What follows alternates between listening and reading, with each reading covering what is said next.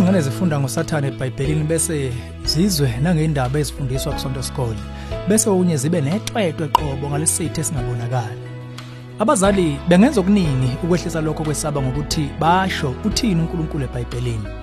Lapho hlelweni ezomndeni sizoletha uholo ngalamavesi hlala ungasuki.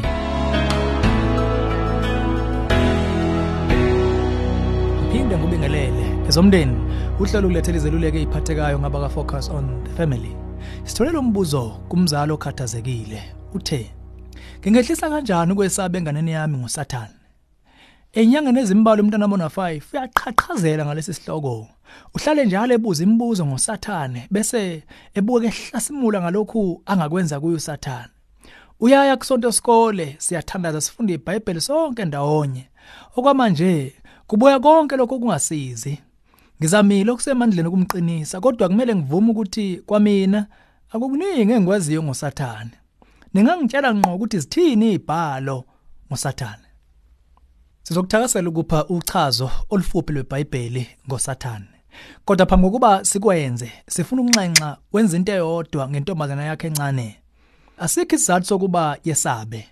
Uma ikholwa nguJesu futhi ingumntwana kaNkuluNkulu iphephile ezandleni zikaYiso sezulwini nakuphi ongashiwo ngosathane? Kucacile ukuthi angelokothe athinte kumbe alimaze labo abampilo zabo bayiphila ngaphansi kwesivikelo esiyigazi likaKristu. Ubalo lokuqala lweBhayibheli ngosathane lukuGenesis 3 kuleyo ndima umlingi uyiveza ensimini yase-Eden egqoka isikhumba senyoka kwakhona ukuba ubonakala lapha losomaqhinga oliqili ngokomzimba owile emva kodlambedlu kwenza abafunde Bible scholars beBhayibheli basola ukuthi ukudalwa kweingelosi impi yasezulwini nokuwakalisifa emseni cishe kwenzeka phambili kokuba sizwe kwizahluko esichaza ngaye eBhayibhelini. Ongakho sithola uchazo lokuba amaKristu ehlale ekhuluma ngonqubuzano olwaselukade lwenzekile phakathi kaNkuluNkulu nengelosi enkulu leyo ngelosi enkulu esiyazi iwusathane yaxoshwa ezulwini ngokuyikhukhumeza kwayo ibe inkosi yendalo yonke. kuJobe 1.6 kuveza isidalwa lapha esingabizwa ngosathane kodwa ngokwesiHebheru ummangaleli oyisitha aSatan lokhu kubeka okuhambisana ncimishi nokampostoli uJohane ma ethi ummangaleli wabazalwane. Isambulo 12 verse 10 lezi ndima zibukeka zikubuka umuntu munye engqondweni.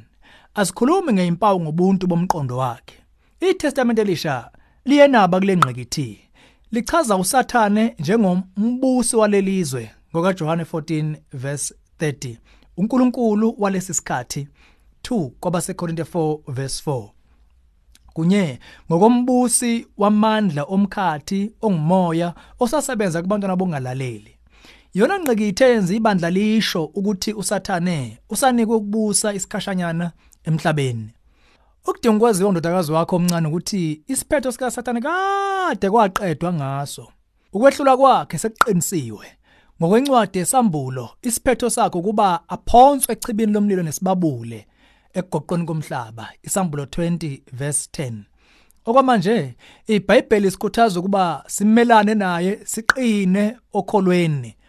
Yokuqala kaPetru 5 verse 8 no verse 9 uma sikwenza lokho uyogoqa umsila acela empunzini. ekaJakobe 4 verse 7 nanko omnye umcabango kumele indodakazi wakho aqonde ukuthi usathane. Akahlaseli imvama njengesihonga senuna enkulu. Namaphupha amabi imbono esabisayo ebusuku. Kunalokho uzama ukusikeqa ngezilingo ukwenza izinto esazi kahle zirong uvamisa ukugqoka ubuso ubuso buhle nxa ekwenza lokhu. Uyathanda ukuthi mayeletha kithi ayilethe njengengelosi yokukhanya yesibili kwabaseKorinte 11 verse 14 Singakhuthaza uthi jeqe kuwebsite yethu uma usathanda ukujula ngalesi sihloko. Sine inkulungwane zemibhalo nezinsiza ngokwezihloko ezihlukahlukene kanjalo nezincwadi nama-DVD angaba usizo kuwe nangidodakazi wakho. Chofa ku-safamily.co.za ukuthola lokhu okucingayo. Sikhulekela ukuba indodakazi yakho ithole ukuphepha kuKristu nasezweni lakhe.